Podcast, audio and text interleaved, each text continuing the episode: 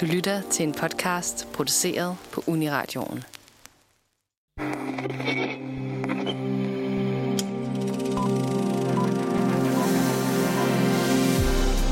Halloween, All Hallows Eve, Alhelgens aften. Kære Sort Kat har mange navne. Film- og tv-historien er en slikpose af Halloween-portrætter, og den grusomme højtid er blevet behandlet i alt fra komedier til slasherfilm. Sommertid er slut, og mørketider har meldt sin ankomst. Så sæt lys i dit græskar og iklæd dig dit bedste kostyme. For i dag sætter vi årets uhyggeligste højtid under lup. Velkommen til filmmagasinet Nosferatus Halloween Special.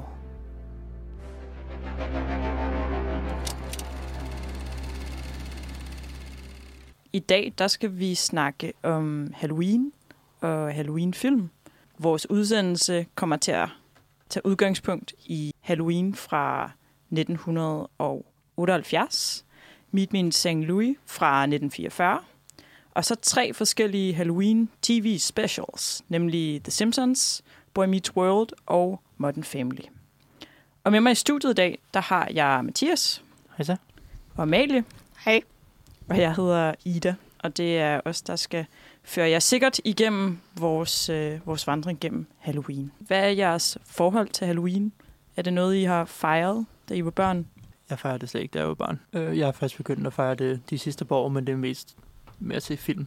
Uhyggelige film til højtiden. Mm. Jeg tror faktisk aldrig, jeg har været klædt ud til Halloween. Hvad med dig, Amelie? Jeg plejede at være ekstremt bange for Halloween. Havde den hver oktober, fordi så ville der begynde at komme dekorationer, og det ville minde mig om, at jeg var bange for rigtig mange ting. Og så, øh, og så, øh, så Halloween for mig var i lang tid og i mange år øh, ikke en god højtid. Ej, okay. Det er først de seneste par sådan, jeg ved ikke, sådan 5-6 år, at det har været sådan noget, jeg tolererer. Så du, er du Halloween-fan nu, eller er vi stadig i et, et grænseland, hvor du ikke synes, det er særlig fedt? Øhm, altså, jeg kan godt lide sådan gyserfilm og sådan noget. Men, og jeg har ikke noget imod Halloween. Men det er ikke sådan min yndlingshøjtid. Altså, det er ikke noget, jeg fejrer. Øh, men dengang var det sådan, altså, noget, jeg gerne vil undgå. Altså, nogle gange vil vi klæde os ud som børn, men selve handlingen, altså alt det omkring Halloween, sådan, jeg var bange for mange ting. Ja. Jeg var et meget skræmt barn. Det var jeg også. Det var jeg også, men ligesom om, at jeg er ikke rigtig kommet over det. og, Altså, I har udviklet jer. I er ikke bange længere. Jeg har heller ikke rigtig fejret Halloween. Jeg, for, jeg husker det også lidt som om, at det ikke rigtig var en ting, at det første er i løbet af de sidste 10 år, at det ligesom er kommet til Danmark. Så inden vi går i gang med at snakke om filmene, så vil vi tage lidt igennem den sådan historiske kontekst for Halloween, som oprindeligt var en keltisk tradition. Kelterne de markerede 31. oktober som deres nytår, og det var en markering af, at høsten var slut, og at sommeren var slut. Og årsagen til, at man klæder sig ud til Halloween, det var fordi, at kelterne var den overbevisning, at de døde, de ville hjemsøge de levende på årets sidste dag, for at finde vej til dødsriget. I et forsøg på at narre de her døde sjæle, så klædte kelterne altså sig ud, for at de lignede, at de også var døde. Så det var ligesom for at skræmme dem væk. Og senere hen, så har ja, de kristne snuppet den og gjort det til deres. Og der er nok ret mange, som på ingen måde forbinder Halloween med, med religion. Mathias, er det noget med, at det kommer til USA i forbindelse med noget irsk? Ja, i forbindelse med, at der kom indvandrere fra især Irland og Skotland til USA i 1800-tallet, der bragte de Halloween med sig. Omtrent den samme tid, eller lidt efter indvandrerne, der kom til USA, der er en af vores film, vi skal snakke om, den er sat Meet Me in St. Louis. Og der kan man se, at det er, der er mange ting, de fejrer på det tidspunkt, som man ikke fejrer længere. Jeg kan også sige, at det er også fra Irland, at uh, traditionen med at skære græsker kommer fra. Fordi de udskar sådan nogle majroer og satte lys i dem, og så brugte det som lanterner. Og så da de netop immigrerede til øh, USA, så fandt de ud af, at græskeret er meget mere belejligt. Og så er græskar altid i sæson i efteråret, så det er også til dels derfor. Og de film, vi skal snakke om i dag, der er der i hvert fald mange græskar i.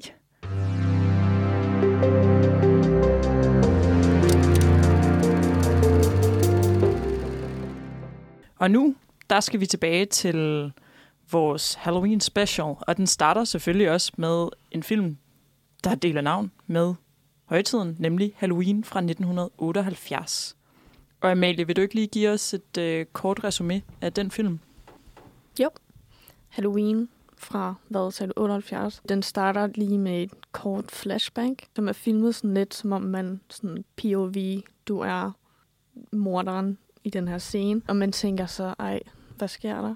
Hvem er, hvad, der er en eller anden, der skal dø nu.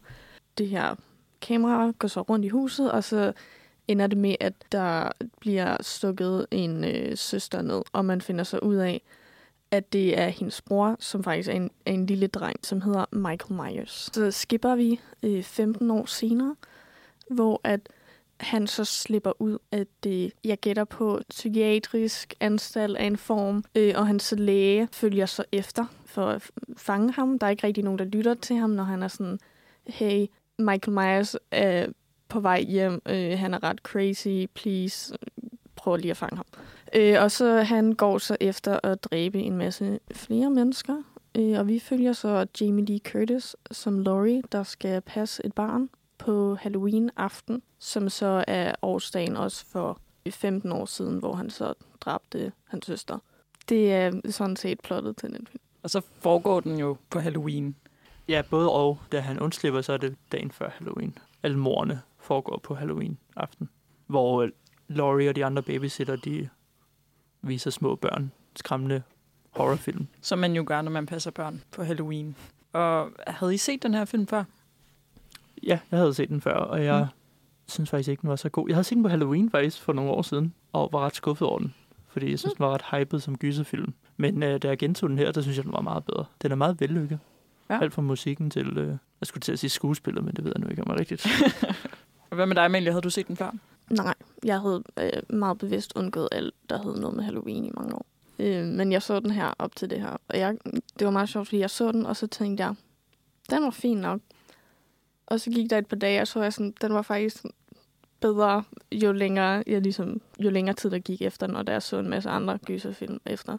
Ja, det var også første gang, jeg så den. Jeg var også virkelig, virkelig begejstret for den. Og jeg er også altså, gået en stor ring udenom, fordi den hedder Halloween. Så tænkte jeg, det var ret lidt afkodeligt, at det skulle jeg ikke se.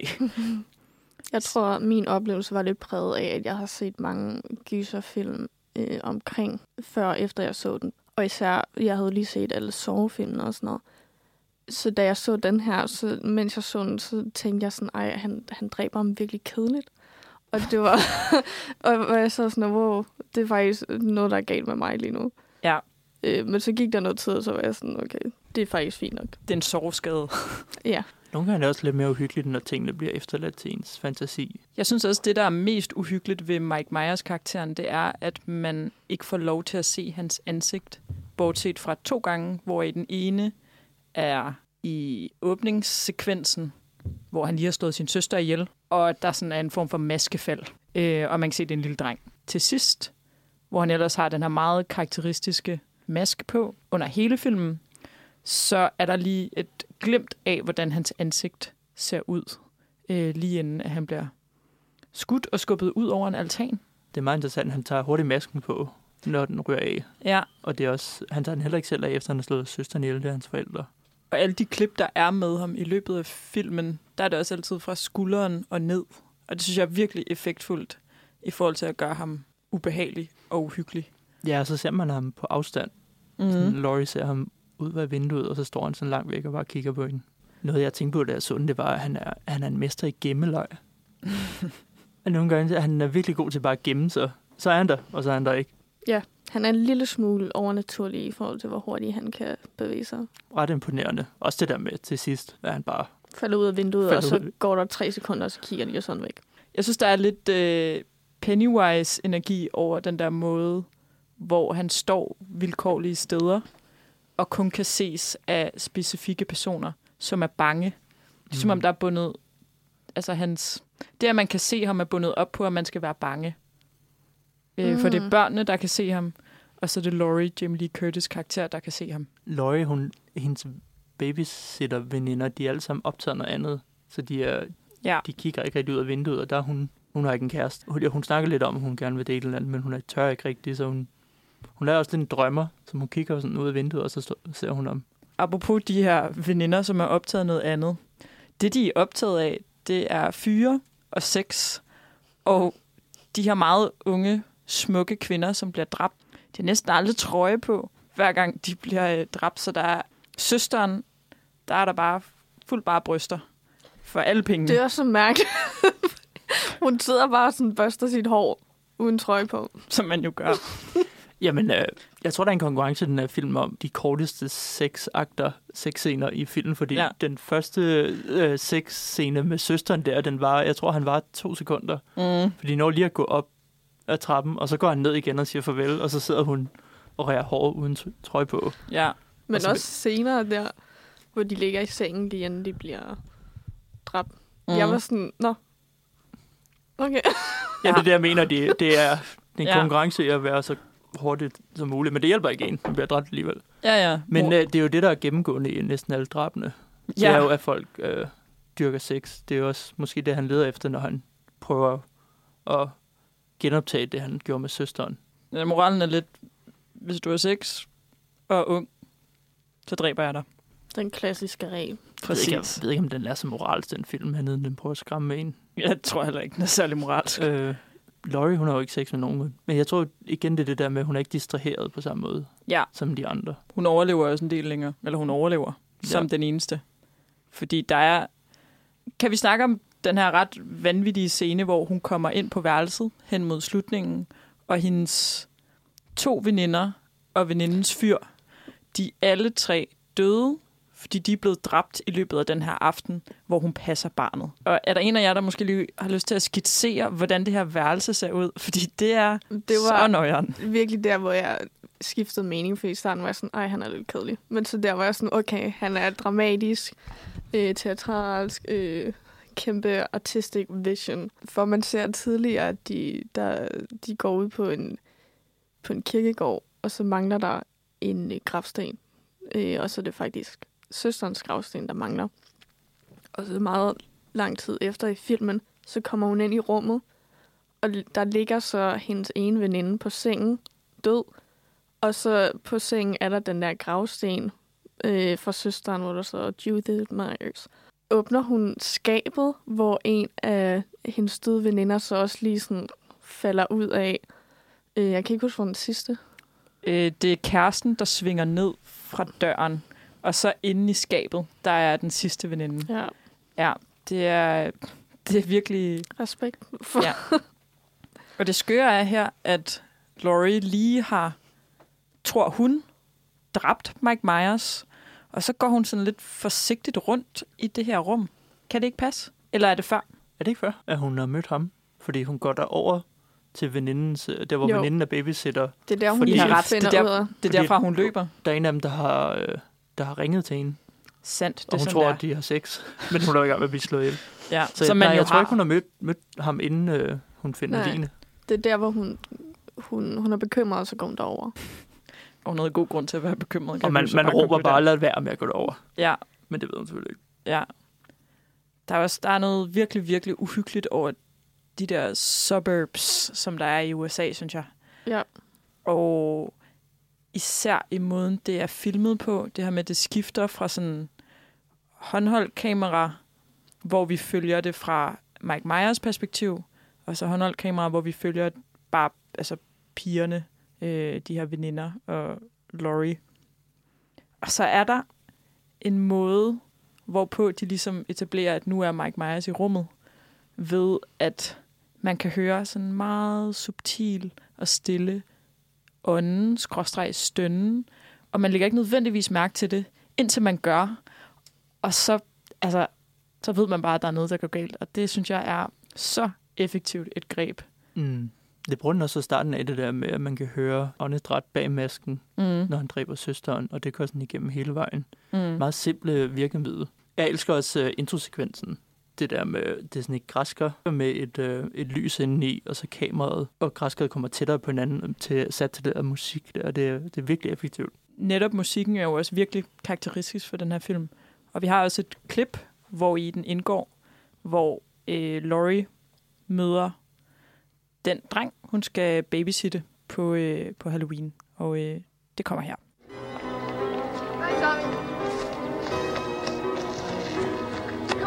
Tonight? Same time, same place. Can we make jack-o'-lanterns? Sure. You watch the monster movies? Sure. Will you read to me?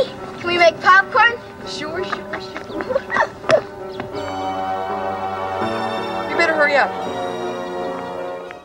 Og en anden ting, der også foregår i det her klip, er jo så også en eller anden form for beskrivelse af, hvad man kan foretage sig på Halloween, som jo netop er, ligesom Mathias gør, se Halloween-film. Hvad tænker I om det? Er det en... Altså, gør det en forskel for, øh, for filmens plot? For der bliver jo egentlig ikke fejret Halloween på den måde. Der er jo ikke nogen, der har klædt sig ud, som vi normalt vil forbinde højtiden Nej, ikke med. nogen af hovedkaraktererne, men hun ser nogle børn, der går rundt og trick-or-treater på et tidspunkt. Ja, Men ja, hovedpersonen gør det faktisk ikke. ja alt den, sådan, alle de artefakter og sådan noget, der er forbundet med Halloween, det er der ikke særlig meget af. Der er græskarret, som er ja. en, Halloween-maskotten. ja, som også står ude foran det hus, hvor i de fleste bliver dræbt. Ja, jeg vil også lige pointere, at der var heller aldrig lavet en film sat på Halloween før. Altså en, øh, en horrorfilm. Instruktøren han havde set en film, der Black Christmas. En kanadisk film fra 1974. Og så blev inspireret til at sætte en gyserfilm på Halloween. Det her er jo så også den eneste gyserfilm, som vi skal snakke om i dag, som behandler temaet Halloween. Hvad tænker I om det? Forbinder I Halloween med, med gyserfilm? Altså det er faktisk, jeg tror, det er den sidste, eneste film, jeg har set, hvor det er gyserfilm, hvor det er sat på Halloween. Ja. Men jeg synes, den bruger settingen ret godt, det der med, at der er ikke nogen, der tror på de karakterer, der siger, at der er en eller anden, der går rundt og stalker dem, fordi alle andre er ude og lave drillerier på Halloween. Alle tror, at det er falsk alarm, hver eneste gang de siger, ej, der er ingen anden udenfor. Boogeyman er udenfor. Mm. Og det tror jeg, ja, det er jo bare Halloween. Det er bare noget, du siger. Ja. Så den er med til at holde sådan spænding i gang, at den er sat på Halloween. Det havde jeg faktisk ikke tænkt over, men det, det er da virkelig rigtigt. At der sker så mange uhyggelige ting på Halloween, at det kan være svært at tro på det. Ja, også bare det der med, at hun tror, at hendes veninde dyrker sex frem for, at hun er ved at dø. Det er Mm. mm. fordi, at hele filmen igennem, så har de der veninder sådan pranket hinanden. Ja, og de har især pranket Laurie, fordi hun også på et tidspunkt er virkelig ærlig og siger, at der står altså en her om bag busken, og jeg er vildt bange. Og hvor de sådan, gider du at tage dig sammen? altså, du er mærkelig nu. Du, du er for meget alene, det er derfor, du ikke dater. De er virkelig tavlige, faktisk. Jeg Ja. kan ikke sige, det er de bedste venner i verden. Ej, og der er også, altså, der er noget med den der gysertruppe med, altså, smukke unge mennesker, der skal dræbes. Det, jeg ved ikke helt, hvordan jeg har det med det. Jeg synes, det... Jeg tror, det kommer fra den her film. Okay, du Jeg tror, tænker, det, er det her det bliver etableret? det starter. Ja. Måske Ja. ja. Black Christmas. Og så var der Friday the 13, der blev lavet to år efter den her. Og den var direkte inspireret af Halloween. Ikke præcis samme plot, men den er sat på en uhyggelig dag. Og så er der en masse unge mennesker, der bliver dræbt i en hytte, tror jeg. Mm. En uhyggelig dag. Fredag den 13. Nå. Ja. Som er en uhyggelig dag. Det er en uhyggelig dag, og det har jo simpelthen også været fredag den 13. Ja. oktober den her måned. Så altså dobbelt op uhyggeligt. Øh, gysertrupper. Er der nogle af dem, som der ligesom er i, i den her film, som I tænker er bundet op på Halloween? Altså, som starter i den her film. Altså udover de her øh, smukke unge mennesker, der bliver dræbt, fordi de har sex. Altså, den fortsætter lidt det der for Psycho og morder, der går rundt og dræber folk med en kniv. Mm. Altså, det der slasher kommer fra. Og så Texas Chainsaw var også før den her film. Men det var jo en motorsav, som vi ved. Ja. Ja. Ja, Men der var en maske. der var en det er maske. rigtigt, der. Ja, og der er nok også altså mange, der kender Mike Myers karakteren, uden nødvendigvis at vide, at den kommer fra Halloween. Jeg kendte i hvert fald godt til den, og det var først, da jeg så filmen, at det gik op for mig, nå, nå det er Mm. selvfølgelig herfra. Øhm, Ja, det, den er blevet en del af kulturen på en måde, som er meget ja, langt væk fra den oprindelige film fra 1978, fordi der er kommet så mange fortsættelser. ja. Og måske også en del af Halloween-kulturen, i kraft af, at der er den her maske, som er en meget, meget håndgribeligt kostyme Mm. at, at klæde sig ud som. Så der er mange, der har et forhold til masken, uden at have et forhold til filmen. Masken, Mhm. mm. og så har han også sådan en kedeldragt på, fordi han røver nogle arbejdere, der arbejder på en vej, og så tager han deres dragt. Ellers vil han jo have sådan hospitalstøj på. Men det er i hvert fald ikke klart sådan, også bare i gyserfilm efter, altså sådan Ghostface og sådan noget, altså bare maske, dragt, og så er du klar. Også bare sådan en ustoppelig morder. De bliver jo endnu mere ustoppelige, af, at de hele tiden laver nye fortsættelser, mm. så man kan ikke rigtig slå dem ihjel. Når det er en maske, måske ikke lige med ham her Michael Myers, men i tit, så, så kan den rolle jo ligesom gives videre. Altså der er en Mm. anden, der kan tage, at der er mange, der kan være Ja. Ghostface, eller Jeg tror, Halloween, der er det kun Michael Myers, der slår folk ihjel. Men han er også kendt som hans navn, guess. Ja. Og Ja. i Friday the 13, der er det også ham, Jason Voorhees. Ja. Ja. En af dem alle sammen, undtagen den første, der er hans mor. Men han har vel også... Øh, han, er det ham, der har den Hockeymask. der... Han har Ja, Ja. Der er noget med de masker der. Det er også ligesom om, at alle morderne i de her film, både i Texas Chainsaw Massacre og øh, Halloween og fredag den 13., at de river sig ligesom løs fra deres film og bliver sådan nogle populære kulturelle Ja. fænomener i sig Ja. selv. At det er lidt det, der er karakteristika ved de her film, som man ser til Halloween. De mister meget af den der kant, de har i filmene oprindeligt mm. havde, og så bliver de bare sådan sjove Mm. kostymer.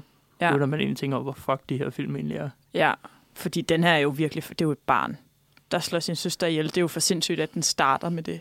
ja, det chokerede mig faktisk ret meget. Da, Mm. Fordi jeg havde ikke set sådan, Ja, det var broren. ja, ja det er virkelig, øh, det er virkelig ubehageligt faktisk. Men hun er jo også hjemme for at ligesom, passe ham og Ja. forældrene er væk. Måske det, måske det er det, hans... Han kan bare ikke lide babysitter. Det er en dårlig forældrefilm. De er meget fraværende. Ja. Ja, ja der er, er der overhovedet nogen? Kun forældrene i starten, der kommer hjem, efter han har slået søsteren ihjel. Jo, og så er der også en af pigernes far, han er vist politibetjenten. Nå ja, det er rigtigt. Han er ikke særlig god til sit arbejde. Det er ham der, doktoren heller ikke. Jeg synes ikke, det var sjovt, han bare stod ude på gaden og ventede på Michael Myers i hele filmen. Jo, det er, altså sådan, han opdager, at han er i byen, og tager det, altså går virkelig roligt rundt i forhold til, at han ved, hvad han er i stand til. Og den her doktor, vi snakker om, det er Michael Myers doktor, som har fulgt ham, siden han var barn, og beskriver det som om, at han har, doktoren har set rent ondskab i Michael Myers øjne. Der tænkte jeg lidt, at der kunne være et eller andet med sådan øjnene af sjælens spejl, og så er han bare, altså pure evil. Ja. Og at han ikke engang omtale ham som menneske. Jeg husker, som om han omtaler ham som den. Jeg ved ikke, hvor god han var til sit arbejde. Nej, han er, Ikke særlig Han hjalp nok ikke Nej. øh, Nej. Michael Myers til at få det bedre. nej, Han var også sådan, han har ikke snakket med i 15 år. Mm. Er du sådan en god læge? ja, hvor er meget, du stolt af dit hvor arbejde? meget ved du så egentlig? ja. ja, og det er lidt underligt sideplot, synes jeg. Fordi det kører lidt samtidig med, at den her vennegruppe lige så stille bliver altså, slagtet, om man vil. Så er der den her doktor, som går rundt og er altså sådan... Jamen også, altså han, han gør jo ikke sit job, og så når han endelig kommer og får, fanger ham, så Mm. skyder han ham. Så det er jo ikke engang hans lægeevner, Nej, eller hans fortid, han bruger til noget. Det kunne være hvem som helst, der skød ham.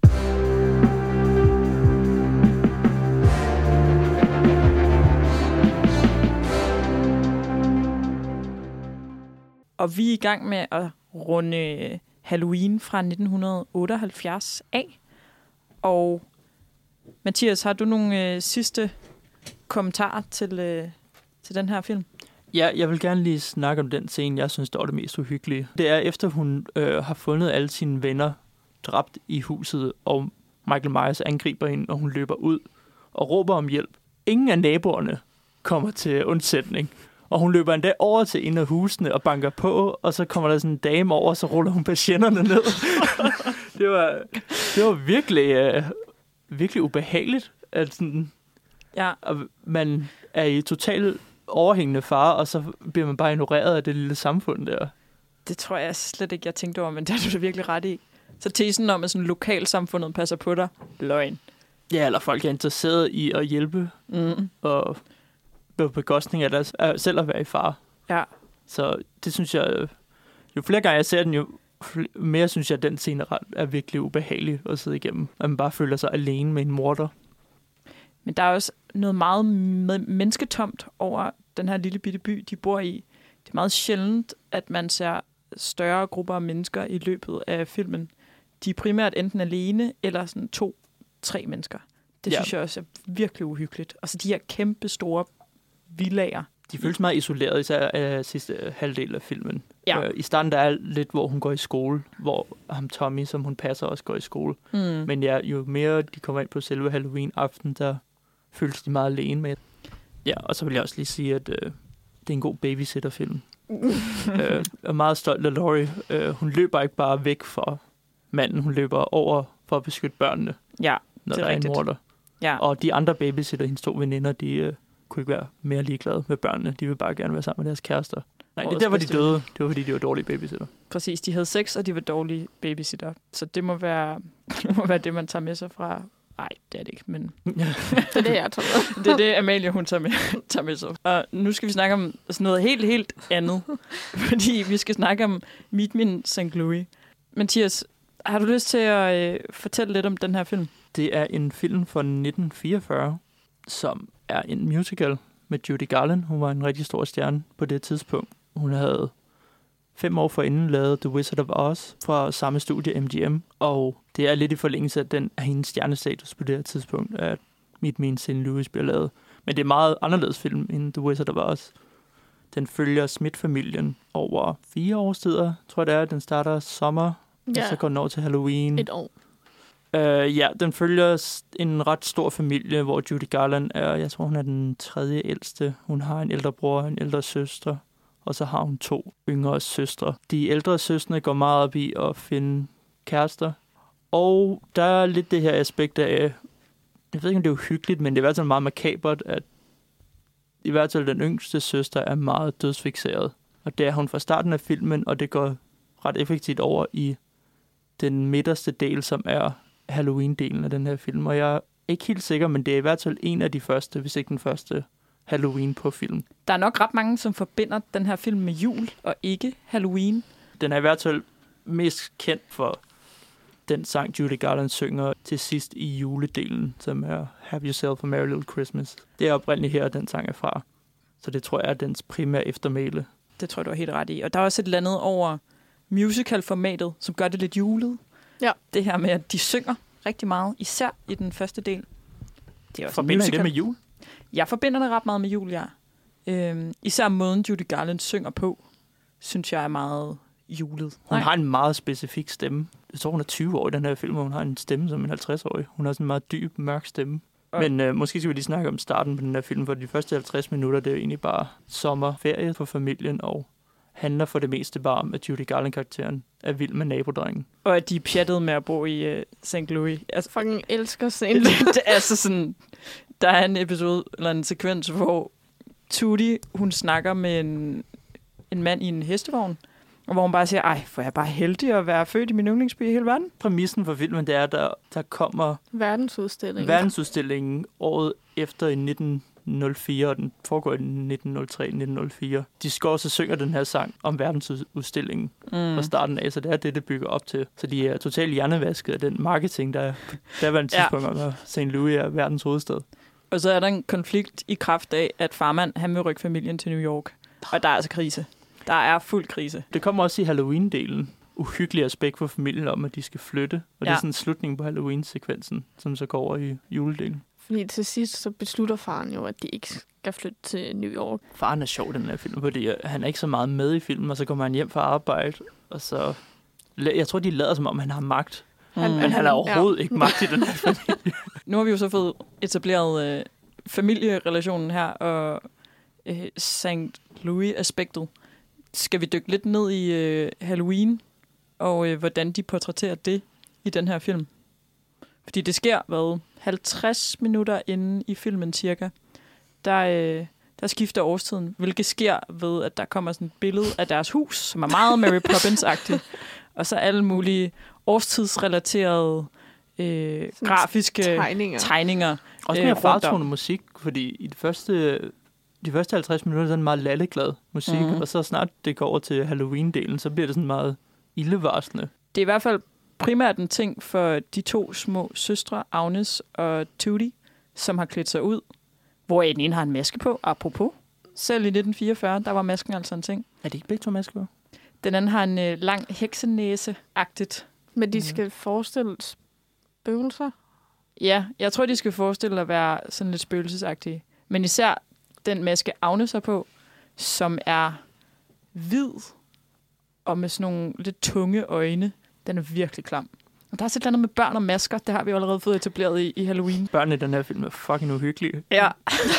Djævlebørn. Det er også mærkeligt, fordi de skal ikke ud og trick-or-treate eller noget. De skal ud og... Lav herværk. Ja, Ja, der altså er, når de kommer ud på vejen, så har de lavet et kæmpe bål, hvor de bare smidt alt mulige møbler ind i.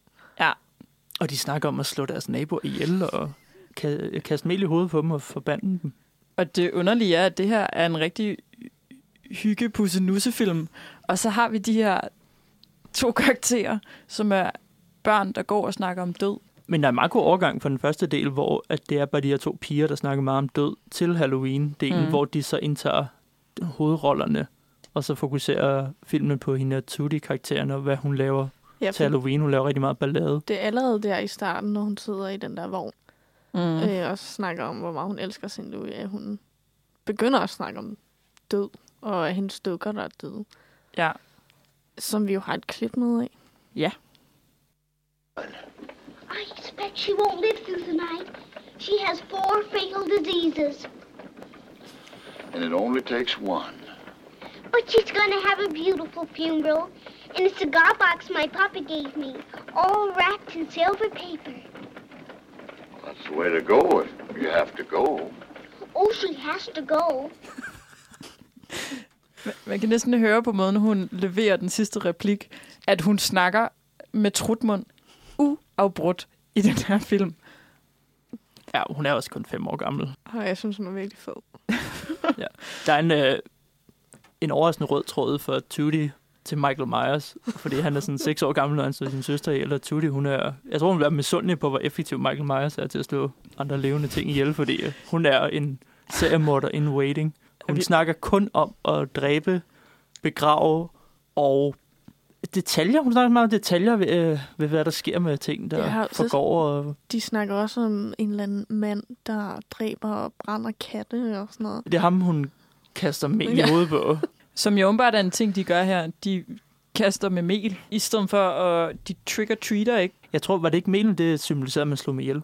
Hun har meldt sig ene og alene til at gå hen til ham her, at de alle sammen er bange for. Mm. Øh, og så ringer hun på, og han åbner, og så er hun sådan, hvad er det, hun siger? I'm, I'm gonna kill you, eller sådan noget. I hate you. Nå ja, I hate you, Mr. Blah, blah, blah. Og så kaster hun mel i hovedet på ham, og Ja. ja. løber. Den er virkelig godt lavet, den der sekvens, hvor hun går over til det hjem der, for det er faktisk ret uhyggeligt, og kameraet følger hende på sådan en virkelig, virkelig vellavet måde i forhold til den tid, den er lavet i. Det er noget, man ser i nyere film, men den, det følger hende sådan hele vejen over bagfra og skifter til forfra, og det vir- hun er meget lille, og hun er meget skræmt. Det er Ja. ret godt skuespil, når hun ikke siger noget. Men Så, hun øh, har så også altså, næse- og ansigtstegning og sådan noget, som jeg ikke rigtig set. Ja, og man kan se hendes øjne, hun er sådan meget opspillet øjne. Ja. ja, det er en meget vemmelig sekvens, faktisk. Jeg vil så sige, at det bliver mærkeligere efter.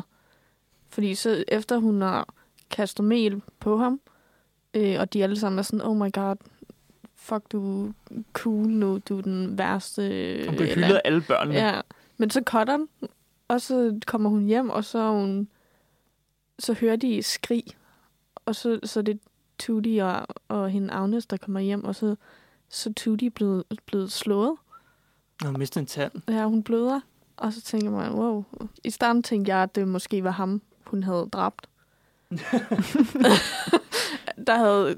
Nej, hun giver faktisk... Ja. Hun, er, hun, er, hun er virkelig den værste, fordi hun giver skylden på uh, Judy Garlands kærlighedsinteresse i filmen. Ja, ja. Så Judy Garland bliver så sur, at hun løber over og sønder banker den karakter. Og det lag mærke til, at han først bliver interesseret i hende, efter hun har slået ham og skubbet ham. Ej, det havde jeg faktisk ikke tænkt over, men øh, Han fatter ikke rigtig noget, at hun er interesseret i ham, før hun giver ham en knytnæve lige i ansigtet og bider ham. ja. ja. Og så finder vi ud af, at Tudy har, har løjet Ja, om hun situationen. gav, hun gav i hvert fald en meget selektiv øh, udgave af, hvad der er sket. det, det er en god beskrivelse af det. Men apropos Judy Garland, skal vi måske snakke lidt om hende, fordi Mhm. at hun er lidt sådan den Hun er det bedste i ultimative den her film, synes ja, jeg. Hollywood porcelænsdukke på det her tidspunkt. Jeg elsker Judy Garland. Okay. Jeg elsker Judy Garland. Simpelthen vores Halloween master. Jeg Mathias elsker stort set alle Judy hendes Garland. musiknumre. Mm. Øh, der er nogle af dem, der er virkelig kedeligt filmet. Faktisk lidt Have Yourself a Merry Little Christmas, så sidder hun bare og, synger og kigger ud i luften. Og så er der en, hvor hun, The Boy Next Door hedder den, hvor hun bare kigger over til The Boy Next The Door. Boy Next Som Door. kunne Det have været er Mathias. super kedeligt filmet. Mm. Men alle de andre, synes jeg, The den er faktisk Song. ret uh, banebrydende. Den, den første musical, der inkorporerer sangene i handlingen. Er I, I er måske ikke de store Judy Garland-faner, hva'? Jeg har det fint med hende. Jeg har ikke... Øh... Jeg tror, jeg har et neutralt forhold øh, til hende. Jeg synes, at hun ligner lidt sådan julemandens kone. gennem hele... Det tænkte jeg meget over, da julesekvensen kom. Så var jeg sådan, nå, klart, hun kunne godt være sådan en poleret udgave af julemandens kone. Kunne du godt se hende som det, Mathias? Ja, jeg ved ikke, hvad jeg skal sige til det. Jeg kan godt se, hvad du mener. Ja? Jeg havde ikke selv tænkt tanken, men altså, hun har, hun har rød kjole på, ikke? Og sådan noget grønt på. Hun har sådan en ja, hun har julefarve. en virkelig flot Præcis. rød kjole på. Og den her lidt underlige afslutningssekvens i en meget kulissepræget... Oh my god, det er By. det værste. Det, Det er det meget de tager slutningen direkte fra The Whistle også, hvor hun siger sådan, det bedste sted i verden er hjemme. Og mm. præcis det samme, hun siger i den her film. Ja, Er det ikke det dejligste sted i verden er St. Louis? Alt det her, og, det er, i- og vi skal ikke engang tage toget eller noget. ja. nej. Det er i vores egen by. ja det er, den er ufrivilligt komisk. Jeg synes, det den her film gør rigtig godt i forhold til Halloween, det er, at den tager meget sådan de her familiære højtidsaspekter, der er forbundet med det. At det ligesom er en markering, som er en årlig ting, ligesom jul. Og det synes jeg egentlig er ret interessant, at det allerede er 1944. At det er en tydelig markering, og det fylder hele efterårssekvensen. Det er også sjovt. Altså, Thanksgiving og sådan noget er jo også stort i USA. Det er kun i USA, men det er ikke øh, en del af den der efterårssekvens. Mm-mm. De nævner det lige meget kort, men øh, det er ikke øh, noget, noget, der er med. Jeg vil også sige, at julesekvensen er jo ikke særlig julet i forhold til, hvad der sker. Fordi der er de jo bare til det der julebal. Og det er jo ikke, øh, fordi de fejrer jul. Kun lige lidt til sidst med mm. noget træ og gaver. Ja, pakker de ikke gave ud til sidst? Hun vil i hvert fald gerne hende Tudy. Ej, også der, hvor hun, øh, efter hun har mistet tanden der, og så kommer hun ned, og de skal is, så siger hun også, så den, her kommer den invalid. Hun er, hun er simpelthen... Hun går også ud øh, i julesekvensen til sidst. Øh, de har bygget snemænd ude i forhaven. Mm. Så går hun ud og tager... Jeg ved ikke om en af dem, hvad, hvad det var, den holdte, den snemand, om det er sådan en svær eller en lang pind eller sådan noget. Men så begynder hun bare at hakke dem alle sammen ned. Hun slår fire sn- bare- snemænd ihjel til sidst. Ja, hun græder også meget hysterisk, mens hun gør det. Da hun skal pakke, så hun sådan, "Ah, jeg er nødt til at... Det kommer til at tage mig en uge at finde alle mine dukker, jeg har begravet. Ja, Ja. ja. Hun, ja, hun siger sådan, at jeg skal grave dem op for øh, kirkegården eller et eller andet. Ja. altså, så, hvis man er i tvivl om, hvorvidt man skal se Meet Me in St. Louis, så kan man se den bare på grund af Tudy. Altså, det er en film, jeg har lyst til at se til Halloween.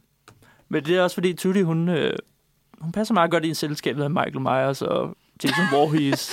Så hvis man var i tvivl om, om vi var ude i en Nightmare Before Christmas-situation, hvorvidt det var en julefilm eller en Halloween-film, så har vi altså etableret nu, det er en Halloween-film. Og øh, to streger under. Jeg synes, man kan se den hele året. Og jeg gør det. Nogle gange går jeg også bare ind og ser øh, de forskellige musicals-numre. Men vi har jo også... All Judy Garland scenes. Ja, Mathias er jo åbenbart både Halloween Master og. Judy Garland Master. Altså, The Trolley Song er genial. Også den der øh, Skip to My Lou, den synes jeg også er god. Nå, der Mm. hvor de... Der er også den der, hvor Tudy og Judy Garland... Ej, den er forfærdelig, den Ej, scene. Ej, Men hun synger, hun synger... Der kan man godt mærke, at Judy Garland er en bedre sanger, end den her femårige. og det synes du alligevel, hun er. Ej, hun kan overhovedet ikke synge hende Men det var ret cute. Tudy kan mange ting, men hun kan ikke... Så Der var det- mange det gange, hvor jeg ikke rigtig kunne høre, hvad de sagde, hvor jeg var sådan... Fordi Ja. så lød det som om, de var sådan, oh, it's the cake walk. Og så Ja. ja. sådan, hvad sker der? Der er så mange referencer, man ikke fatter, fordi det er sådan 1903-referencer. Præcis. En anden scene, jeg rigtig godt kan lide, som ikke har noget med Halloween at gøre, det er slutningen på den første del af filmen, hvor hun går rundt sammen med ham der John Truitt og slukker lysene i huset. Nå. Mm. Mm. Det synes jeg var en, en fin romantisk scene. Og så Mm. prøver han at lave samme trick øh, senere, og hun er bare sådan, jamen det er jo slukket. Hvad skal Ja. jeg gøre? Ja, det kan være, at vi skal som afrunding lige samle op på Halloween-delen af den her film. Der er for eksempel ikke kommet sådan trick og treat aspektet ind i Halloween. Det er lidt mere herværkbaseret. De øh, Mm. ødelægger en masse ting. De, brænder, de har et stort bål, de brænder ting Jeg af. De klæder sig ud, men Jeg læste noget med, at det var sådan mischief night, kaldte man det også. Mm. Øh, hvilket giver mening i forhold til, at de bare ja, laver herværk. Så i slikker ballade er det mest balladedelen. De, øh... Ja, jeg tror ikke engang, der er et valg. Nej, Det er bare, de får is, is sidst på aften. Men altså, jeg har lidt, man får lidt indtryk af, at Tudy faktisk, hun laver ballade hele året rundt, men her, der får hun virkelig lov til at eksperimentere med, ja. Hun jeg tror, det er den bedste lov, dag i hendes liv, da de andre børn siger, at, at du er den styggeste af os alle. Hun ser også Mm. meget tilfreds og glad ud over det. Hun er Ja. sådan, Hun er, hun er helt euforisk. Mm.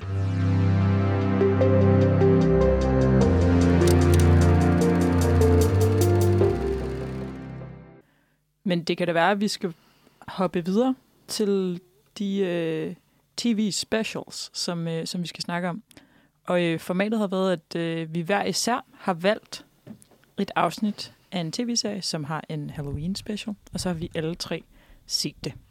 Mathias, vil du så ikke fortælle os lidt om øh, The Simpsons-afsnittet? Vi snakker om Simpsons episode, der hedder Treehouse of Horror, deres første Halloween-episode. Efter den her episode, som blev lanceret i øh, 1992, så har hver sæson efterfølgende af The Simpsons haft en såkaldt Treehouse of Horror episode. og det er anden sæson.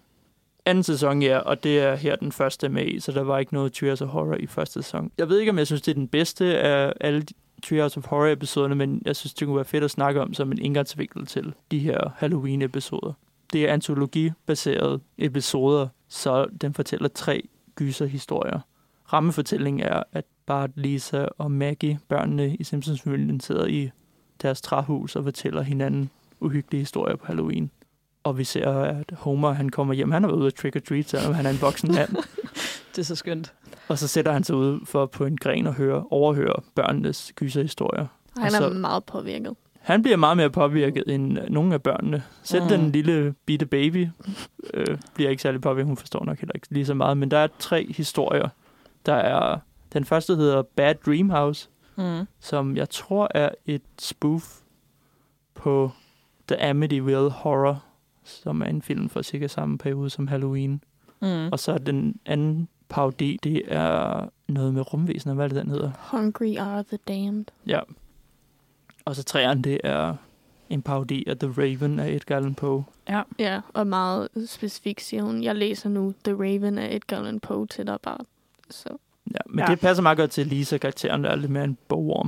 Mm. Og Mhm. hun synes, at det er interessant at læse meget gamle gyserhistorier. Men jeg ved ikke, hvad I havde ikke set det episoden før, vel? Jeg havde jo simpelthen ikke set The Simpsons før. Det her er min indgang til The Simpsons. Det er meget imponerende. det er, set det har du ikke engang, altså Simpsons-filmen, da den kom ud? Nej, nej jeg, ved, jeg ved ikke, hvordan det er sket. og Jeg ved ikke, hvordan jeg har undgået det. det er, jeg tænker, det er uhyggeligt svært, men øh, Hvad, det har jeg øh, simpelthen formået. Hvad er så din indtryk? Jeg var en del mere begejstret, end jeg havde regnet med. Og jeg synes faktisk, det var ret sjovt. Især, jeg tror, jeg kunne bedst lide øh, nummer to historie, som øh, er bundet op på savlende aliens, har jeg lyst til at øh, beskrive dem som. Hvor at man godt, der er sådan lidt Hans og Grete-vibe over øh, den sekvens, fordi de, at de her aliens, tror man, forsøger at føde dem op, så de kan spise dem, men så finder man ud af, at det var faktisk slet ikke det, de ville.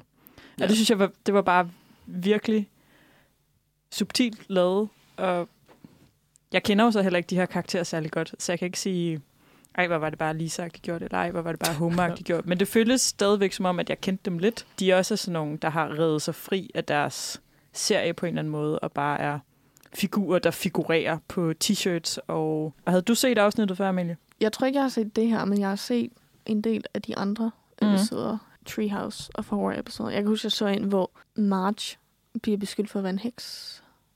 Ja, det er Treehouse of Horror 8. Okay, det kunne du i hovedet simpelthen. Yes. Øh, hvor hun bliver beskyldt for at være en heks, og så prøver de at drukne hende, eller kaste hende ud fra en klippe, eller sådan noget. Den er ikke så vellykket. Og hvad synes du om den, Amalie? Synes du, den fungerede godt?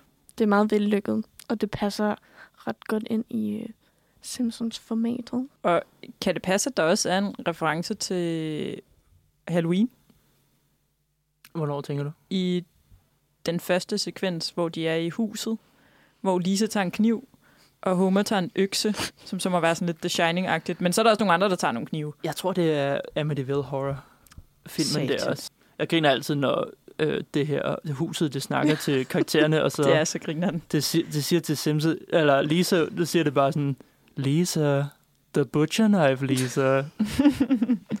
Ja, og det er, også, det er en virkelig uhyggelig stemme, synes jeg. Jeg kunne, jeg kan godt lide der til sidst, hvor det er så sådan, hmm, det er enten at bo med The Simpsons, eller det Begå her. selvmord. Ja, og så springer det bare sådan, jeg ved ikke, om det er sådan imploder nærmest, og Mm. forsvinder, og så er de sådan, nå,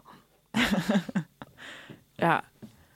Og Mathias, vil du fortælle lidt om, sådan, hvordan den ligger grundlaget for de næste Treehouse of, Treehouse of Horror? Kan det passe, den hedder det? Øh, ja, Ja. ja, de alle sammen hedder Trios of Horror, men det er faktisk den eneste episode, hvor det foregår i, i træhuset der. De Okay. andre har ikke rigtig noget at gøre med det. Der er som regel en rammefortælling af, jeg tror, de første par episoder efterfølgende, de har, de har det aspekt af, at de fortæller historier. Jeg tror, at Trios of Horror 2, der har de alle sammen mareridt, fordi de spiser meget slik. Og den tredje, der, der snakker de... Der tror jeg igen, det er det her, der er en, der fortæller en gyser-historie. Mm. Og de her gyserhistorier, det er sådan paudier på noget, der er popkulturelt. For eksempel i nummer 5, der laver de, tager de pis på uh, The Shining. Og syveren, der tager de pis på sådan Nightmare on Elm Street. Så der er sådan en gennemgående paudi. Og den her antologiformat er altid til stede med, at der er tre historier, der bliver Okay. fortalt. Ja. Og det, sådan er det normalt ikke i Simpsons episoder. Jeg synes, de er rigtig vellykket indtil cirka omkring 9-10 stykker, og så har jeg ikke rigtig set så mange efter, så jeg har genset rigtig meget de første ni, tror jeg. Okay. Og det, det er altid dem, jeg ser. Det er det, jeg ser på Halloween, det er de der Trials of Horror Mm. episoder. Jeg er virkelig svært ved at... Det var mig, der valgte den her episode til det her øh, Halloween TV special, så jeg er virkelig svært ved at vælge, hvad for en. For jeg synes ikke, det er den sjoveste, men jeg synes, det er den, der er nemmest at snakke om for dem, der ikke kender til det. Og måske skulle vi øh, dykke ned i den, jeg synes, der er den bedste i den her, som er The Raven-delen, som er den sidste del af episoden. I alle tre segmenter, så er James Earl Jones, som er kendt for at lægge stemme til Darth Vader og Mufasa. Han øh, lægger stemme til en flyttemand, tror jeg, i den første, der hvor de flytter ind i huset, og så lægger han stemme til kokken, der laver mad til dem, en af de der aliens. Men i den tredje segment, der øh, er han fortælleren, der fortæller The Raven. Og skal vi spille klippet fra det, Amalie? Yes. Quoth the raven. Eat my shorts. Bart, stop it. He says nevermore, and that's all he'll ever say. Okay, okay. Hmm. Then methought the air grew denser, perfumed by some unseen scent. Stupid censor. Swung by seraphim whose footfalls tinkled on the tufted floor. Wretch! I cried, Thy God hath lent thee, by these angels he hath sent thee, respite and nepenthe from thy memories of Lenore. Quaff, oh quaff this kind nepenthe and forget this lost Lenore. quoth the raven. Nevermore. No! Altså, det er han hele tiden bliver afbrudt af Homer, det, det gør det ret komisk, synes mm. jeg. Øh, Jeg ved ikke, om det er det sjoveste del af det, men jeg synes, det er, det er rigtig godt sådan atmosfære. Ja, det er meget god Og det beskrivelse. er, det er en ret god... Øh, kender I The Raven, digtet? Øh, ja. Jeg kendte til den, men havde ikke hørt det Altså, før. Jeg har ikke læst det hele, men jeg har læst dele af det. Det er da altid ikke så langt. Nej, men jeg tror Men bare, det stoppede halvt. Vurderede den, nej. jeg tror bare, det var mere sådan... Bare læse sådan lidt forskelligt Edgar Allan Poe, og så er jeg bare... Jeg synes, at ideen om sådan spøgelseshistorier, som egentlig er lidt lejerskoleagtigt, når man skal fortælle uhyggelige historier ved, ved bålet, det kan jeg egentlig meget godt lide, at den bruger det som altså format. Ja, ja, præcis. Hvad Det synes du om The. Raven-delen? Jeg kunne godt lide den. Jeg synes, jeg kan bedre lide den, når jeg hører dig sætte ord på den i forhold til atmosfære, så kan jeg bedre tilskrive den, at den skal være der. Men jeg, jeg var klart mere begejstret for den første og den anden fortælling. Men de Ja. er også mere lidt afkodelige, og når man ikke kender karaktererne så godt, så tror jeg, at det er dem, som er, er nemmest at, at gå til. Grunden til, at jeg godt kan lide det her segment, det er, at jeg så det, da jeg var et barn. Øh, Jeg tror kun, jeg så det der segment af den her episode, og havde aldrig hørt om det digt før, så det var også introduktionen til digtet for mig. Øh, hvor det er sjovt. Det var en sjov måde at blive introduceret til Edgar Allan Poe. Ja, præcis. Øh, jeg tror faktisk, en- jeg blev også introduceret til en anden Edgar Allan Poe øh, novelle, øh, The Telltale Heart. Den laver Ja. Simpsons også grin med senere hen. Så ja, Mm. Simpsons har introduceret mig Der til er Edgar også Allan lige en Poe. lille cameo af den, da de vælger alle bøgerne ned. Så det er alle mulige Edgar Allan Poe-titler, der er. Mm. Mm. Ja, jeg tror, skaberne af Simpsons han har været rigtig glad for Edgar Allan Poe. Ja, Men nej, grunden til, at jeg virkelig elsker det, er, fordi det er mit yndlingsdigt. okay. Og der er en fantastisk video på YouTube, hvor at det er James Earl Jones, der fortæller, uden at blive afbrudt af Homer Simpson. Og så er det sat til sådan dyster musik, og det er bare fantastisk. Det, jeg virkelig godt Ja. kan lide ved episoden, det er det her med, at Homer hele tiden afbryder med hans egne... Så det er ikke din yndlings øh, oplæsning af digtet. Nej, fordi James Earl Jones blev hele tiden afbrudt af Homer Simpson. så Det er jo, du godt kunne lide okay. Homer. Ja, jeg kan godt lide Homer, og jeg synes, det er virkelig komisk. Og Ja. det, vi snakker om, det er jo komedieserier, der har Halloween-afsnit, så det er jo ikke, fordi de er uhyggelige på nogen måder. Øh, der er nogle Trios of Horror, der er lidt, der er lidt klamme, men de er aldrig direkte uhyggelige. Jeg kan huske, som barn kunne jeg ikke lide dem. I alle andre episoder af The Simpsons, der, der er de jo ret stille og roligt, sådan, det er jo ikke, fordi karakterer dør, men i de her Trios of Horror, så er sådan everything goes, der er flere karakterer, der bare bliver myrdet. men måske fra et 90'er show til et andet, at øh, vi skal snakke lidt om Boy Meets World. Ja, som jo er, altså, aldrig har jeg set så meget 90'er æstetik som i Boy Meets World. Har du lyst til at fortælle lidt om, øh, om det afsnit, du har valgt?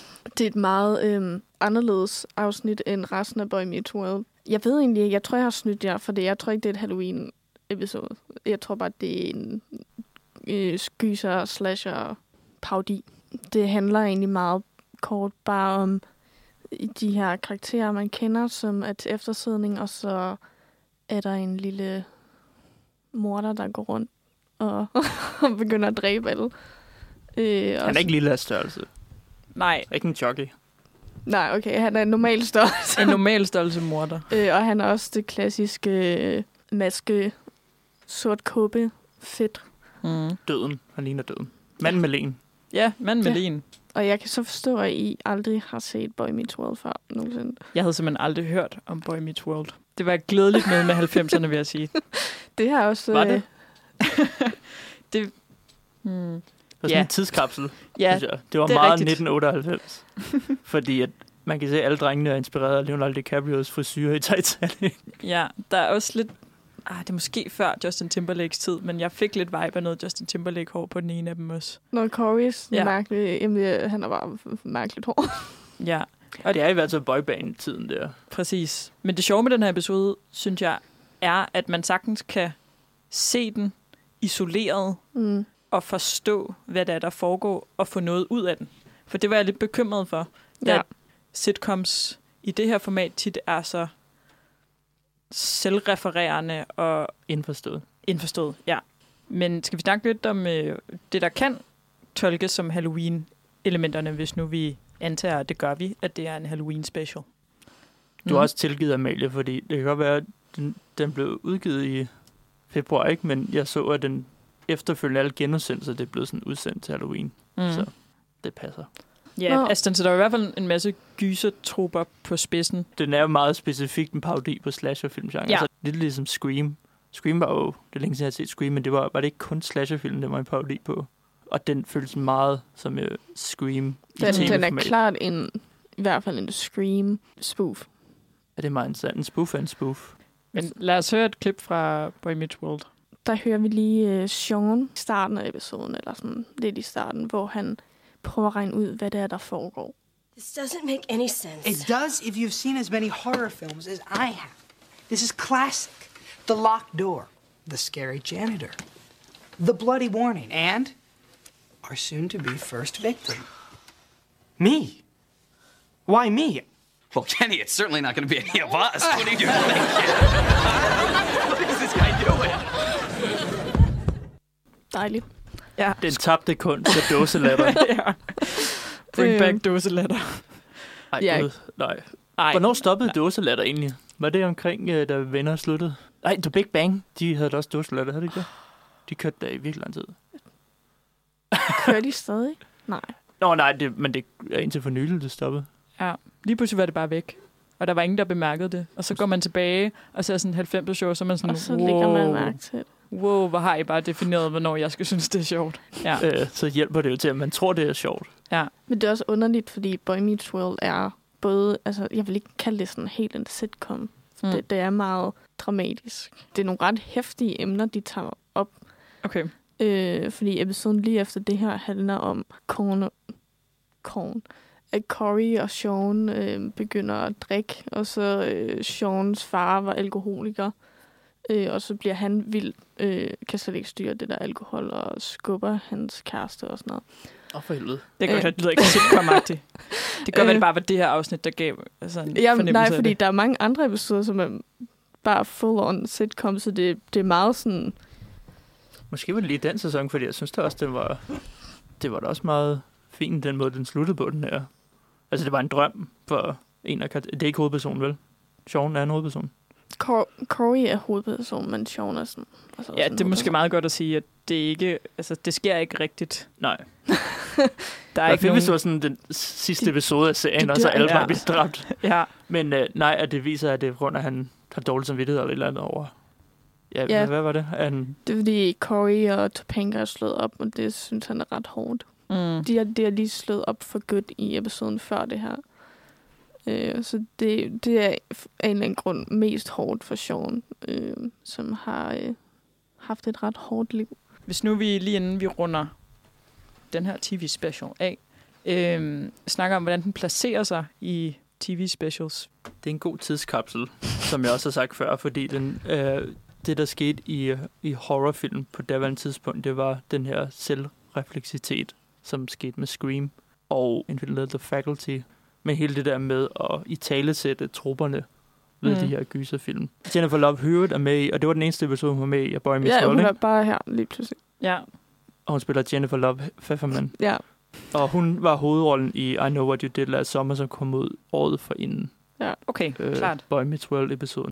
Jeg synes også, at sådan, det er ret interessant, at den startede med at blive vist i februar, men så at den har fået status som en Halloween special. Jeg synes jeg også siger noget om udviklingen, og taler måske meget fint ind i den episode, vi skal til at snakke om nu, som er den første Halloween special, der er i Modern Family, som jo kørte gennem det meste af hvad, slutnullerne, start 10'erne.